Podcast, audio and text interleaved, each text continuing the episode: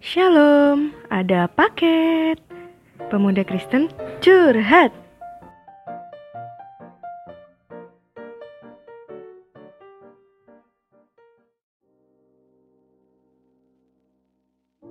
Halo Kar, Hmm, gimana, Cer?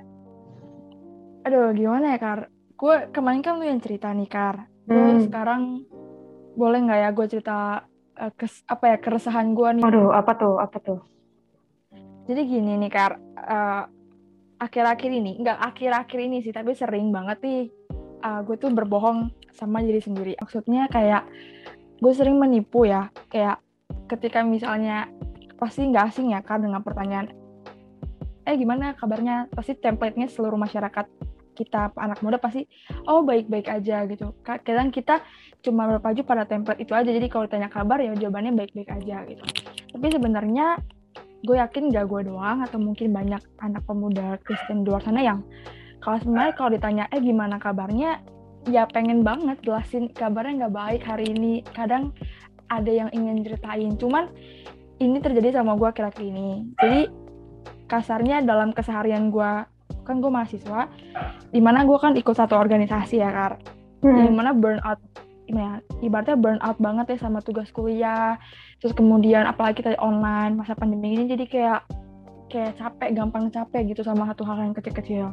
Akhirnya membuat gue untuk lebih tertutup daripada dibanding sebelumnya.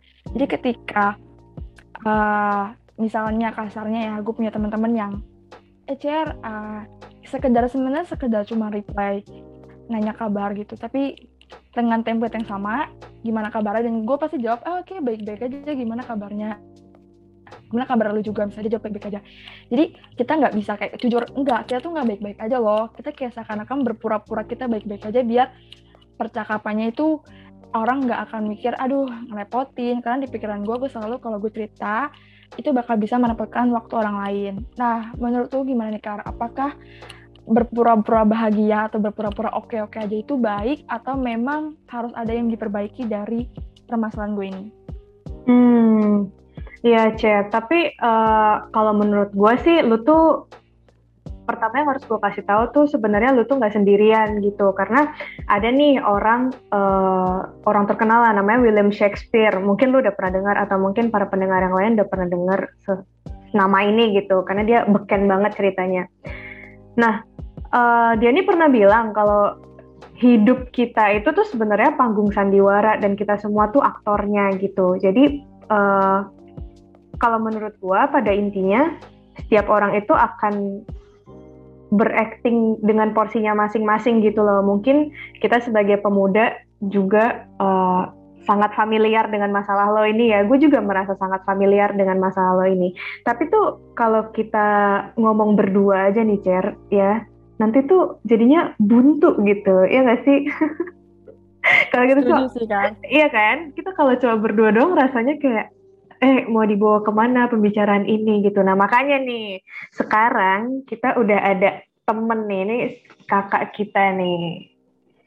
Tahu nggak? Iya, Udah aja kali ya Kar Kak panggil aja. Oke silakan masuk Kak Indira.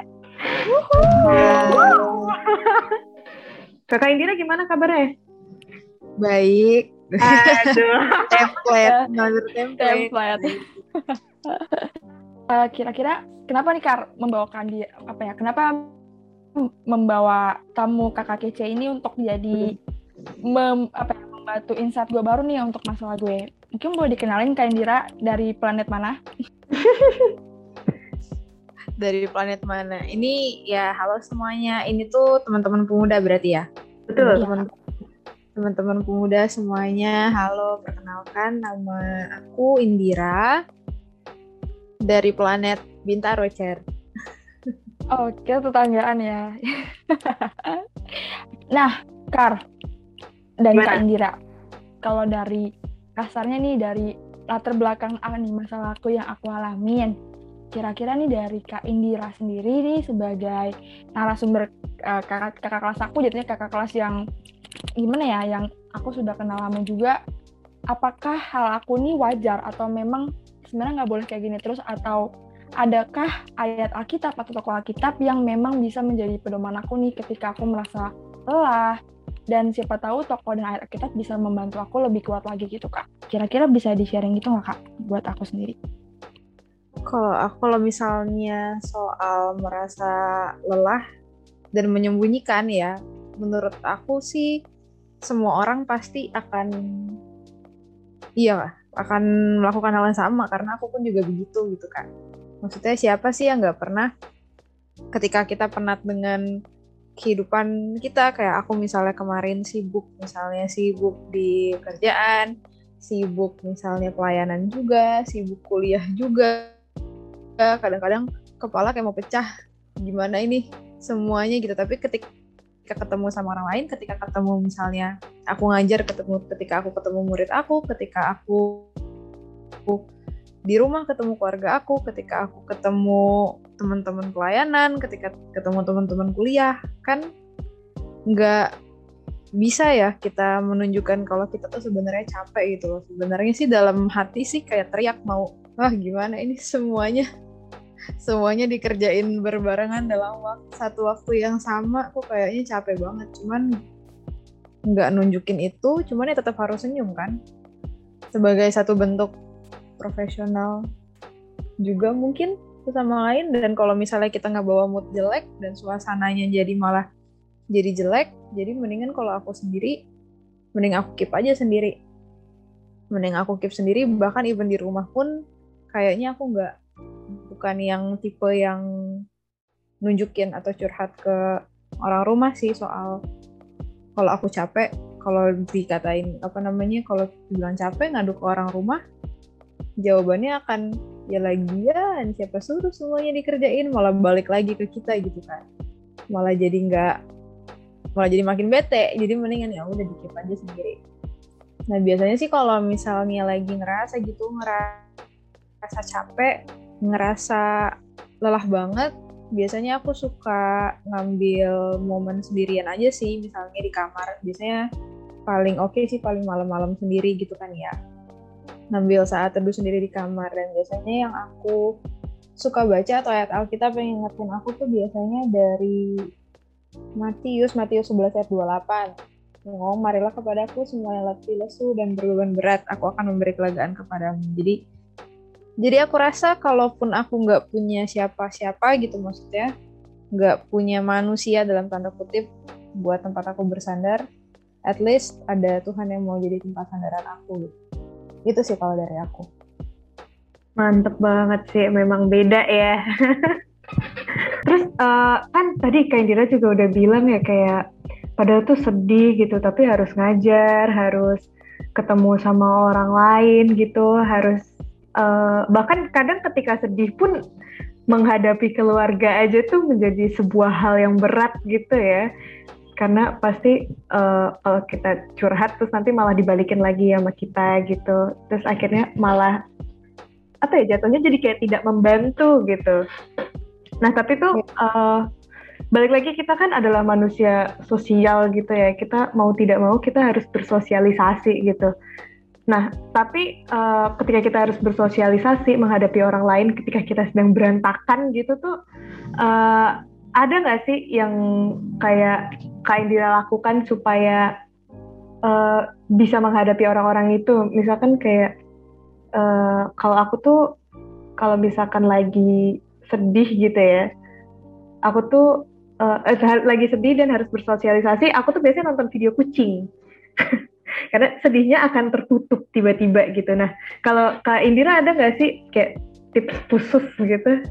kalau tips khusus ya gimana ya cara ngomong tips khusus ya kadang-kadang sih sebenarnya ya yang paling penting adalah bahwa coba bawa karena aku senang bercanda kan ya maksudnya aku senang banget bercanda biasanya dan puji Tuhan teman-teman teman-teman aku terus habis itu peer oh, teman pelayanan bahkan itu murid-murid aku. Kadang-kadang ada aja yang maksudnya hal-hal kelakuan yang aneh-aneh atau bisa jadi bercandaan dan bikinnya jadi lupa. Jadi maksudnya lelahnya itu seketika. Kayak for a moment tuh lupa gitu loh dalam ntar pas pulang ya ingat lagi misalnya capek lagi. Ngerasa capek tapi pas ketemu teman-teman atau ketika lagi pelayanan atau ketika lagi ngajar itu kayaknya somehow itu lupa sih. Kalau misalnya itu ya paling kalau bercanda bercandaan tapi kalau misalnya ini paling denger lagu sih kayaknya. Denger lagu kayaknya menurut aku paling efektif sih buat aku kalau misalnya lagi capek gitu. Memang kayaknya uh, tips Kanjira ini salah satu yang bisa aku contek. Aku maaf kayaknya aku akan mencontek beberapa bukan contek lagi udah ngambil ya. Mengambil beberapa poin yang bisa aku apa ya implementasikan buat nanti mengatasi nih uh, set inside happy outside yang pasti nggak aku dong yang ngerasain. Mungkin uh, teman-teman pemuda juga ngerasain. Nah tapi uh, aku ingin menanyakan lagi nih kak Indira. Uh, gimana ya kasarnya? Apakah uh, kalau aku tadi kan kalau dari sisi aku uh, kita tuh uh, bukan bukan kita sih khususnya aku kita aku sering kayak ngerasa kayaknya lebih baik tadi yang kayak Indra bilang ah ya udah pendam sendiri aja gitu. Uh, uh, apa pergumulan atau masalah-masalah yang kayaknya nggak perlu lagi ceritain gitu. Uh, apakah menurut Kak Indra sendiri dari kita menyembunyikan perasaan kita itu dan tidak jujur pada diri sendiri jadi kita lebih mentingin orang lain aja deh udah gampang karena karena karena kalau aku pikir kalau orang lain itu kita jadi nggak ada uh, menyakiti gitu. Kita nggak ngerepotin. Jadi lebih baik kita aja yang direpotin dan kita aja lebih menyakiti kita sendiri daripada kita menyakiti orang atau merugikan orang lain. Menurut kalian sendiri apakah kebiasaan menyembunyikan perasaan dan tidak jujur kepada diri sendiri itu sebenarnya lebih ke arah negatif atau memang lebih baik? Pertanyaannya ini ya Cer ya. Agak-agak agak-agak jebakan Batman kalau ditanya kalau ditanya apakah itu lebih baik apakah itu salah apakah itu baik itu menurut aku tuh preferensi masing-masing sih ya. Kalau buat aku kenapa aku melakukan seperti itu? Karena aku nggak mau ribet dan drama aja orangnya. Maksudnya aku nggak mau apa namanya dengan aku cerita mungkin jadi malah memperumit masalah gitu misalnya. Atau misalnya karena aku tipenya ketika aku lagi punya masalah dan aku itu kalau aku lagi cerita sama orang ya udah orang itu ini aja dengerin aja nggak usah maksudnya nggak usah banyak ngasih saran gitu ya maksudnya. Oke mungkin aku butuh saran butuh sesuatu tapi ketika aku lagi merasa capek-capeknya aku lagi lelah-lelahnya dan ketika aku cerita misalnya dan itu orang malah yang paling membalik gitu harus ini harus itu kamu harus ini harus itu malah makin nggak karuan gitu malah makin bete. Jadi menurut aku ketika aku itu kalau preferensi aku sendiri adalah aku lebih baik nyimpan sendiri sih. Dan maksud tapi nggak salah juga kalau misalnya ada yang lebih memilih untuk cerita ke orang lain.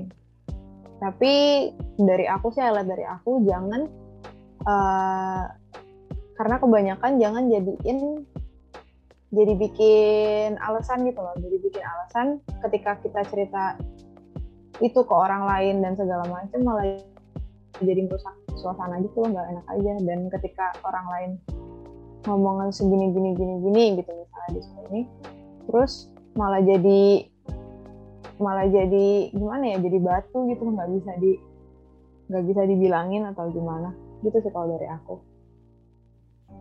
Iya sih ada beberapa poin setujunya juga sih tapi tuh uh, apa ya kalau itu kan tadi sebagai apabila kita yang sedih gitu ya terus kalau misalkan kayak aku nih Cherry lagi sedih gitu nah aku tuh kadang kebingungan harus melakukan apa gitu ketika orang tuh sedih.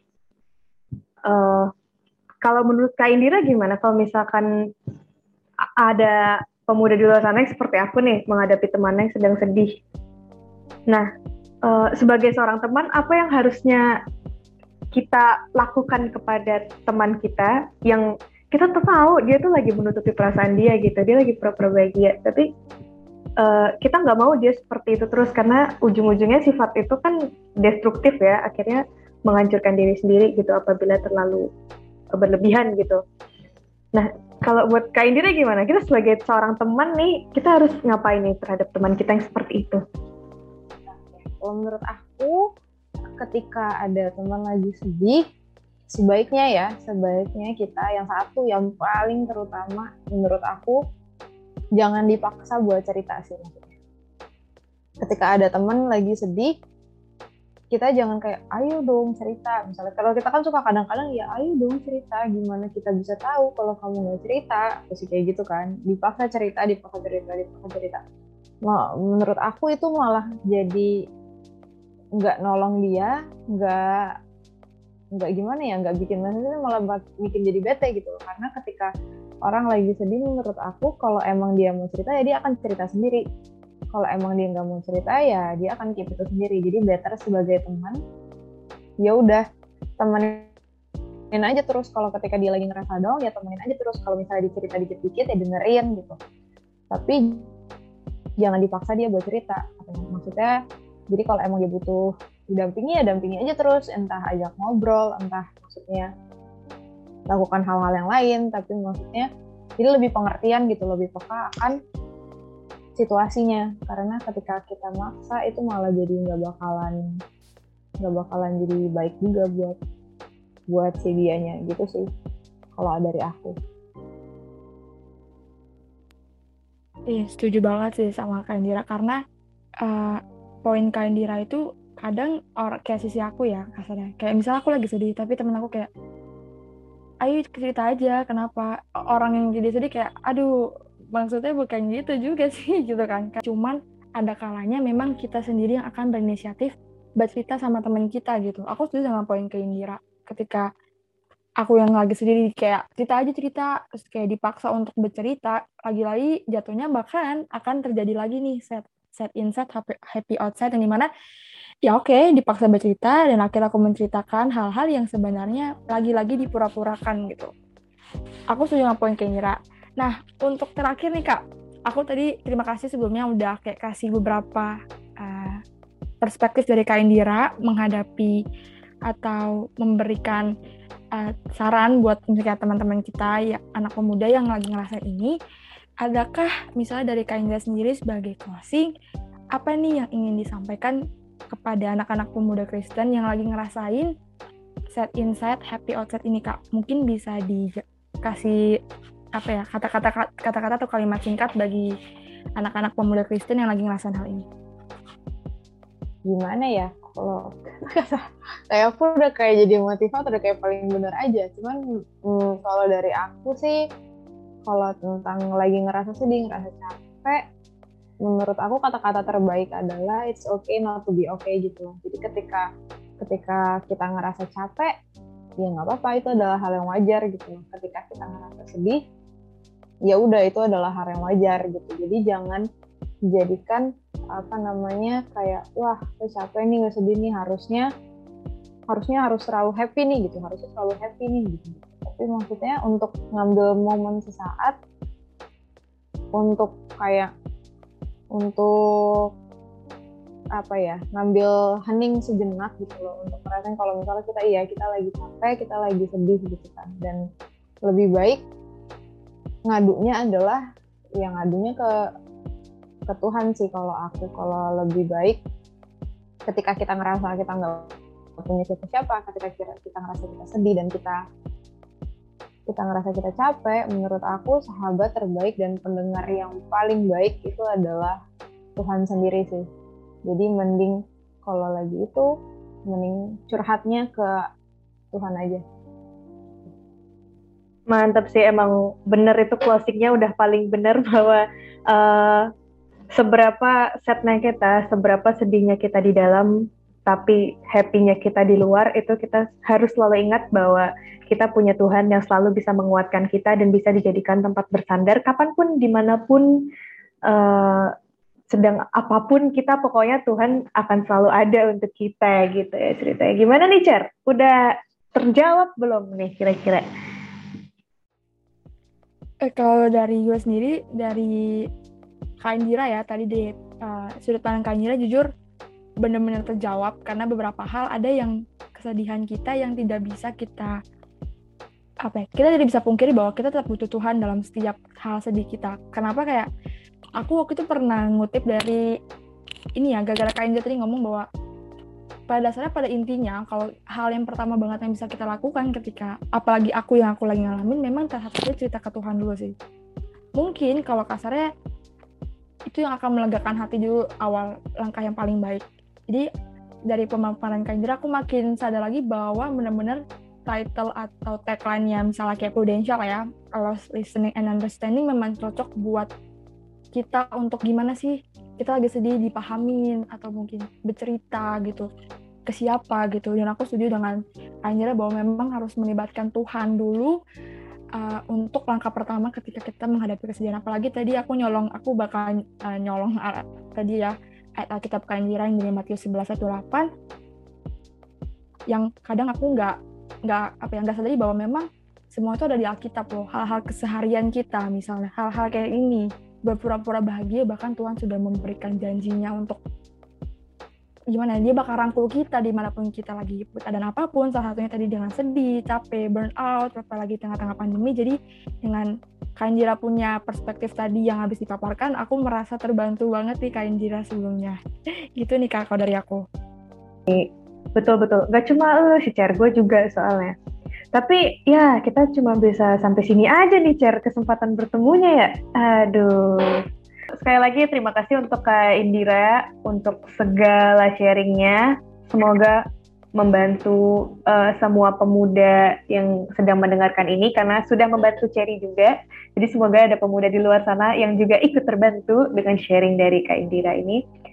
Kalau gitu, ya udah sampai di sini dulu. Sampai ketemu di kesempatan selanjutnya. Bye-bye. Bye.